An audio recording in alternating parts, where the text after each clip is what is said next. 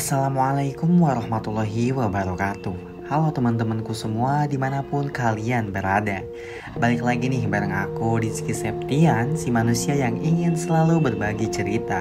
Di mana lagi kalau bukan di Share Podcast Channel yang selalu merangkul cerita dan kisah-kisahmu Untuk memotivasi dan memberikan hikmah untuk pendengar lain. Oke, gimana nih keadaan dari teman-teman channel Share Podcast? Kabarnya baik-baik aja kan? Semoga selalu dalam keadaan sehat walafiat ya. Kalau kabar dari aku sendiri sih ini alhamdulillah ya. Aku dalam keadaan baik-baik aja dan selalu siap untuk menemani pendengar setia channel Share Podcast di mana pun kalian berada. Untuk teman-teman semua yang sedang dalam perjalanan, semoga selamat sampai tujuan untuk yang sedang menjalin hubungan, semoga dilancarkan tanpa ada hambatan.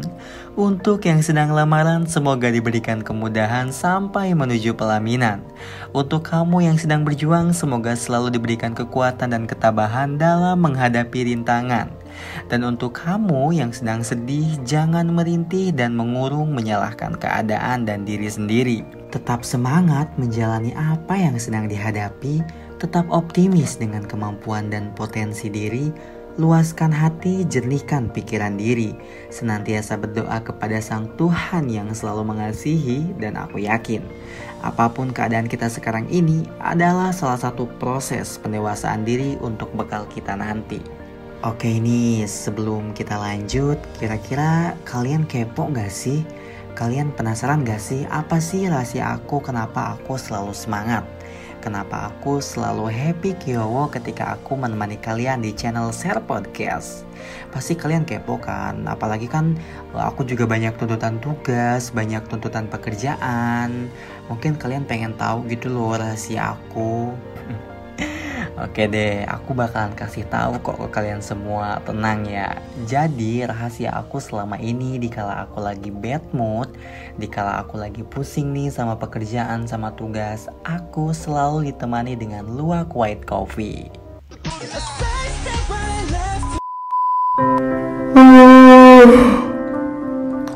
Kerja seharian bikin badan gue capek dan pegel sebadan badan nih gue kayaknya butuh asupan yang bikin melek dan bandel nih. Eh eh eh ada apa tuh di bawah rame-rame? Hmm, eh mas mas. Itu ada apa ya rame-rame di bawah? Antri bikin apaan sih? Oh itu loh biasa. Luwak. Hah? Luwak? Serius? Iya, luwak white coffee. Kopinya nikmat serasa minum di kafe. Dulu gue sering banget ke kafe buat nikmatin secangkir kopi doang. Tapi semenjak ada luwak white coffee, gue malah sering ngopi di mana pun dan kapan pun. Karena soal rasa, wah mantuliti deh bosku. Luwak white coffee diproses dengan teknologi terbaru untuk memberikan suguhan kopi terbaik untuk kita. Luwak white coffee, kopi paling pas, nikmat rasanya, dan nyaman di lambung. Minum luwak white coffee sehari tiga kali. Hmm, no problem. Jangan lupa Pastikan kita memperoleh kopi terbaik dengan Nua Great Coffee. Itu dia rahasia aku selama ini. Untuk teman-teman semua, jangan lupa minum Luwak White Coffee. Oh iya nih, sebelumnya aku mau ngucapin Happy New Year atau Selamat Tahun Baru buat kalian semua ya. Semoga di tahun 2022 ini kita selalu diberikan keberkahan dan kebahagiaan dari Tuhan yang Maha Esa dan Maha Kuasa. Oke, langsung aja ya Besti. Untuk cerita yang bakalan aku share pada episode malam ini tentang seorang anak yang berharap memiliki perhatian dan support system dari seorang ayah. Hmm, apakah malam ini emosiku bakalan terkuras kembali ya seperti episode kemarin? Tapi memang ya, aku ini selalu cengeng loh ketika menyangkut perihal cerita keluarga karena bagiku keluarga adalah salah satu akar terbaik yang harusnya bisa membuat tumbuh kembang kita semakin membaik. Cerita ini datang dari seorang mahasiswa ilmu komunikasi bernama Kian. Kian adalah seorang manusia biasa seperti kita yang memang menginginkan kasih sayang dari seorang ayah. Kian adalah orang yang selalu memiliki sifat optimis perihal sesuatu yang sedang ia jalani. Ia selalu berprinsip bahwa apa pun yang sedang dihadapi itu adalah jalan dia sendiri yang harus dilewati. Oke nih, sebelum kita berlanjut ke cerita dari Kian, untuk sedikit membuat kita rileks nih, alangkah lebih baiknya nih kita denger lagu dulu ya. Aku bakalan balik lagi setelah lagu ini selesai menghibur kalian.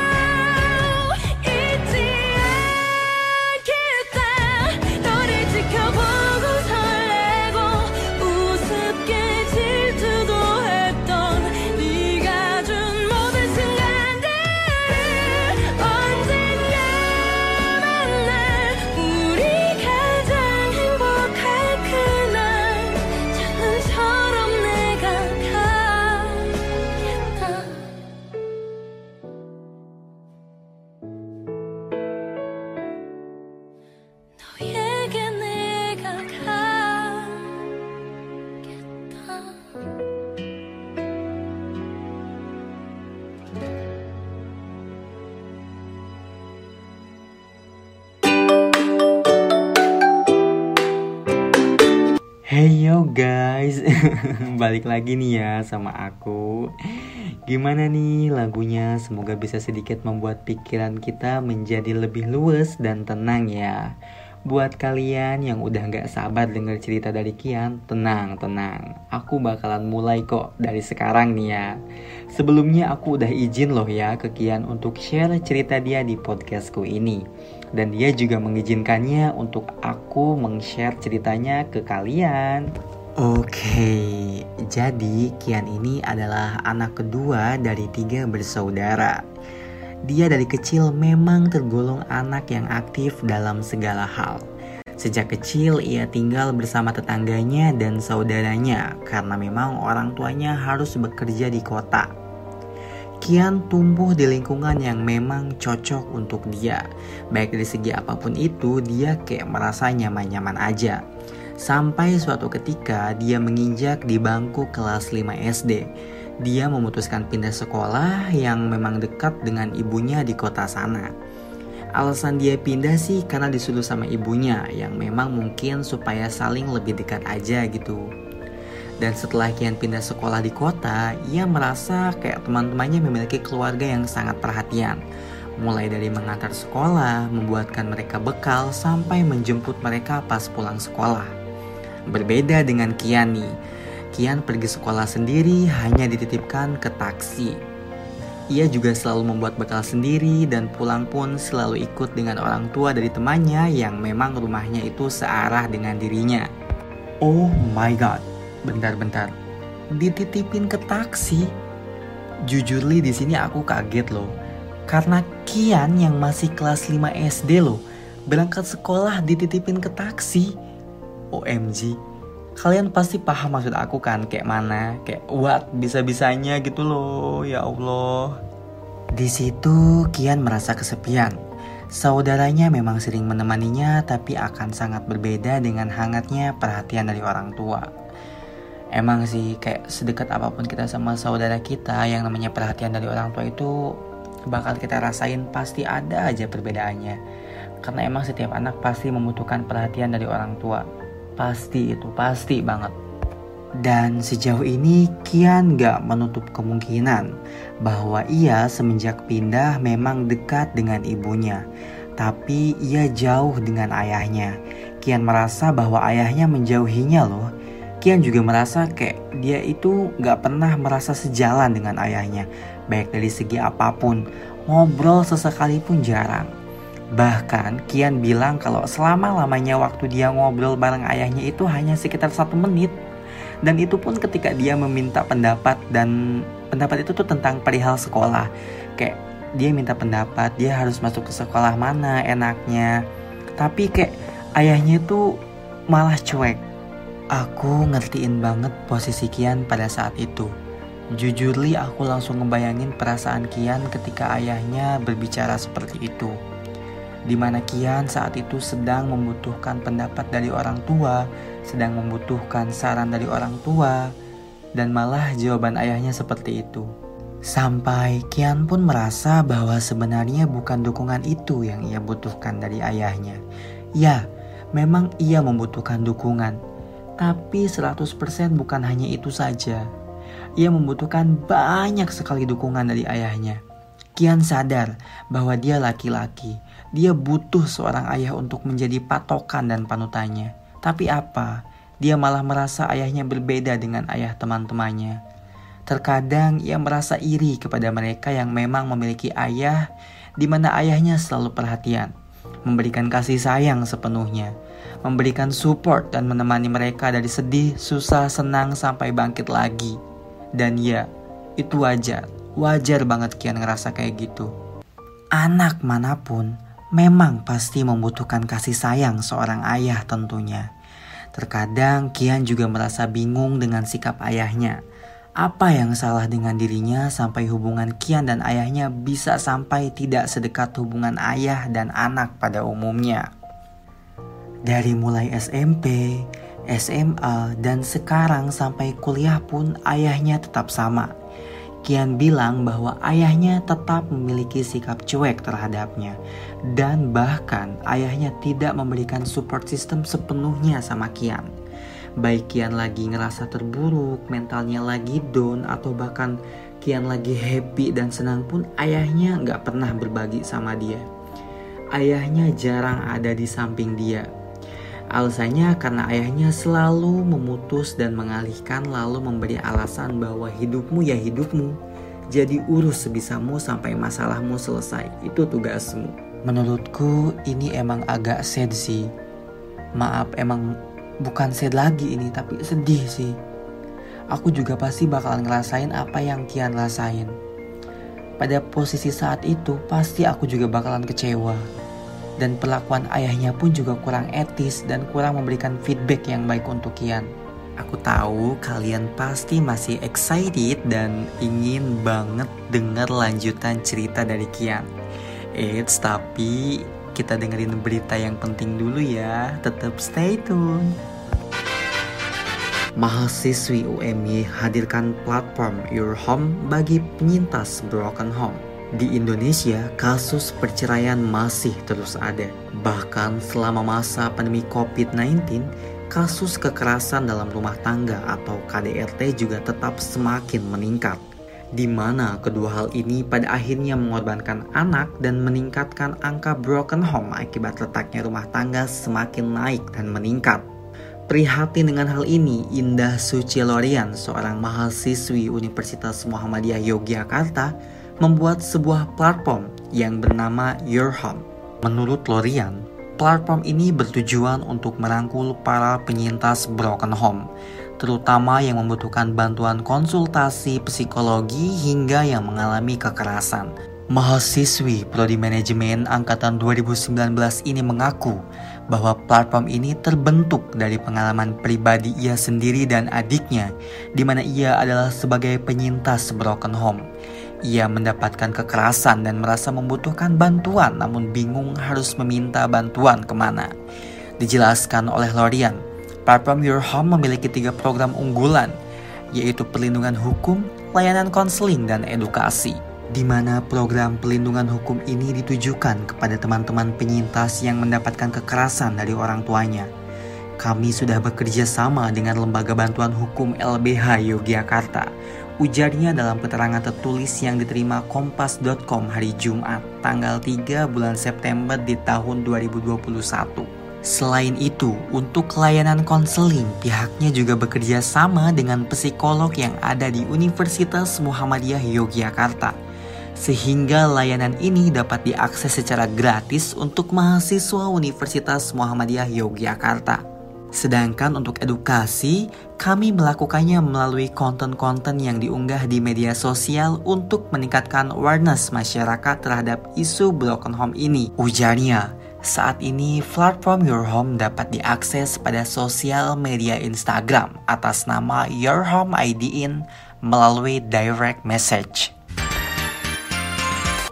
Wah, gimana nih setelah mendengar berita yang baru aja aku sampaikan tadi? Apa kalian juga memiliki gambaran yang sama kayak aku? Bahwa memang support dari orang tua itu sangat penting banget bagi tumbuh kembang anak. Tapi bagi mereka yang kuat sampai sekarang, aku sangat bangga banget. Aku sangat hargai. Kalian adalah orang-orang hebat. Sama seperti Kian. Setelah Kian mendengar alasan ayahnya yang cuek sama dia, Kian ini semakin sadar bahwa dengan ini maybe dia harus jadi anak laki-laki yang lebih keren, yang lebih dewasa, dan yang lebih optimis lagi untuk selalu bisa berdiri melawan terjangnya dan derasnya keluhan-keluhan yang memang ia hadapi. Kian juga merasa bahwa teman terbaiknya untuk cerita perihal sesuatu hanyalah kepada temannya yang bernama Erin Riani. Kian merasa bahwa temannya ini bukan lagi seorang teman, tapi seorang keluarga baginya. Dia selalu mencurahkan apa pun termasuk isi hati dan pikirannya sama sahabatnya itu. Oke, di sini aku cuma mau bilang terima kasih banyak buat Erin Riani karena sudah menjadi orang yang baik, orang yang bisa menerima keluh kesah dari Kian. Semoga persahabatan itu bisa lanjut sampai kapan pun itu di mana nggak ada yang bisa memisahkan kalian. Bagi Kian, nggak mudah menjadi seorang anak yang memang membutuhkan kasih sayang seorang ayah, namun gak bisa kepenuhi. Tapi di sini, Kian selalu berusaha memperkuat posisinya supaya gak goyah sama apa pun yang sedang ia jalani. Dan benar aja sih, Kian berhasil sampai di titik sekarang selalu berdiri dengan rasa optimisnya yang sudah ia bangun sejak kecil. Kian juga tahu bahwa dia adalah orang yang lemah sebenarnya. Kian juga adalah orang yang gak bisa memendam sesuatu. Namun seiring dengan terbiasa dan Kian juga selalu berpikir panjang kembali bahwa apa pun keadaan orang tuanya, mereka tetap orang tua dia sendiri yang memang sudah memberikan nafkah dan sudah membesarkannya sampai sekarang. Kian percaya bahwa sebenarnya ayahnya juga menyayanginya. Ayahnya juga mencintainya, hanya saja belum bisa terrealisasikan dengan harapan Kian yang tinggi. Kian juga selalu berdoa supaya kelak ia bisa merasakan hangatnya memiliki hubungan dekat dengan seorang ayah. Kian selalu mengingat kata-kata sahabatnya bahwa apa yang sedang ia rasakan sekarang, apa yang ia alami sekarang perihal keluarganya, tetap terima aja, tetap syukuri dan jalani. Namun kelak jangan sampai kejadian itu terulang kembali ketika Kian membangun sebuah keluarga.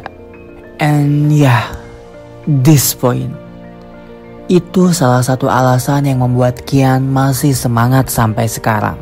Hmm, oke okay nih.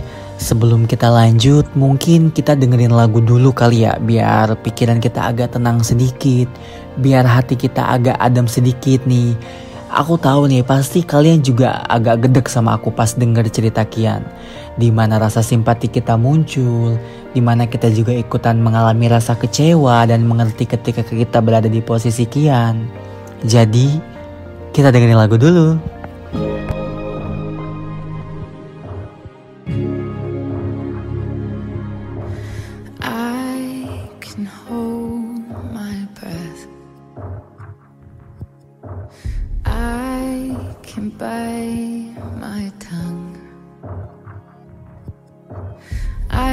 stay awake for days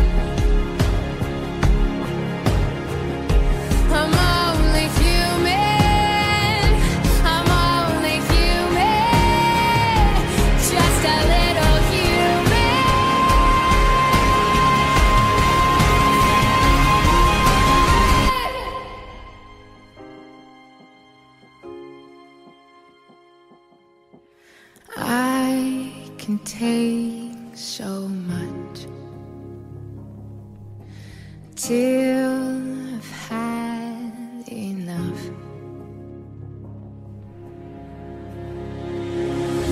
Cause I'm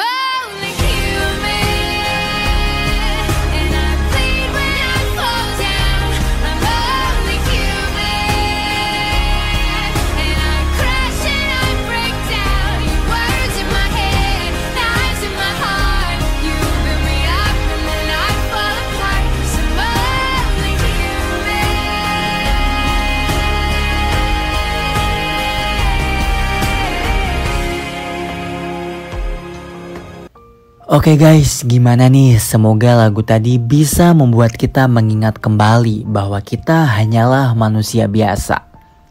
Berpura-pura nggak apa-apa, menutupi semua kesedihanmu juga yo nggak apa-apa. Tapi jangan semuanya kamu lakukan. Kamu tetap dan perlu mengeluarkan effort untuk membuang semua tekanan kamu dan kembali. Kembali apa? Kembali menyerap energi positif dari diri kamu sendiri bagaimanapun caranya. Ingat, pendewasaan diri terbentuk karena tekad dan waktu. Dan tetap selektif untuk memilih siapa pun mereka yang bakalan bisa dengerin cerita keluh kesah kamu. So, tetap semangat. Next, selanjutnya kita bakalan dengerin berita penting lagi nih. Jadi disimak dulu ya. Perlakuan seorang ayah berinisial WH yang berumur 37 tahun tega melakukan penganiayaan kepada anak kandungnya sendiri di Tangerang Selatan lagi menyita perhatian banyak. Bahkan WH tak ragu merekam aksinya yang telah viral di media sosial ketika menganiaya anak perempuannya yang baru berusia 5 tahun. Melihat kejadian tersebut, Komisioner Komisi Perlindungan Anak Indonesia atau KPAI Putu Elpina menilai bahwa seorang anak memang rentan mengalami tindak kekerasan yang kerap kali dilakukan oleh orang-orang terdekat. Sehingga dia melihat bila kasus penganiayaan tersebut terjadi lantaran faktor eksternal di mana orang tua anak yang secara emosional belumlah matang, juga tidak bisa mengatasi masalah pribadi yang dihadapinya. Artinya masalah-masalah dalam konteks kasus Tangerang Selatan ya, bahwa keluarga atau orang-orang tua itu memiliki masalah, namun mereka tidak memiliki kemampuan dalam mengelola masalah yang mereka hadapi sendiri. Jadi secara emosional mereka memang belum matang, kata Putu saat dihubungi oleh tim merdeka.com di hari Jumat pada tanggal 21 bulan Mei di tahun 2021. Kemudian yang tidak kalah penting, Komisi KPAI Putu meminta kepada Pemda agar mengambil tindakan untuk pengasuhan lanjutan kepada sang anak karena sang ayah yang memang sudah tidak dianggap layak untuk mengurus. Hmm, emang sedih banget sih dengar kasus-kasus seperti ini. Guys, apa pun keadaan kita, aku yakin bahwa kita itu adalah orang yang kuat Bahkan, setelah mendengar cerita dari Kian, aku makin merasa semangat untuk menjalani apa pun ke depannya. Satu hal poin penting juga yang bisa ku ambil dari cerita Kian bahwa sabar itu nggak ada batasnya dan kamu memilikinya. Jangan membuat bahwa kamu memiliki batas sabar. Terapkan itu pada apa pun yang sedang menimpa kamu. Lalu dari seorang Erin sahabatnya Kian aku belajar bahwa di dunia ini banyak sekali orang jujur dan baik. Jika kamu tidak bisa menemukannya, maka jadilah salah satunya dari mereka yang jujur dan yang baik. Untuk kalian yang ingin berbagi pengalaman, cerita keluh kesah, atau tentang apa pun itu, dan bagi kalian yang ingin juga berbagi sama aku dan teman-teman pendengar share podcast, boleh banget nih. Kalian bisa hubungi aku lewat DM Instagram ke akun RJ Katian. Wah, gengs, episode malam ini memang membuat kita cukup sadar ya bahwa kita memang harus selalu kuat. Dan gak kerasa banget nih, kita udah di penghujung podcast lagi aja. Sekali lagi buat Kian dan Edin Riani barangkali lagi denger podcastku, aku ngucapin terima kasih banyak karena kalian udah menjadi orang yang kuat dan orang-orang baik. Untuk kalian yang selalu ingin mendengar cerita dari aku, tenang, gak apa-apa, santai aja, don't worry, aku bakalan balik lagi kok di episode selanjutnya untuk selalu menemani kalian ya.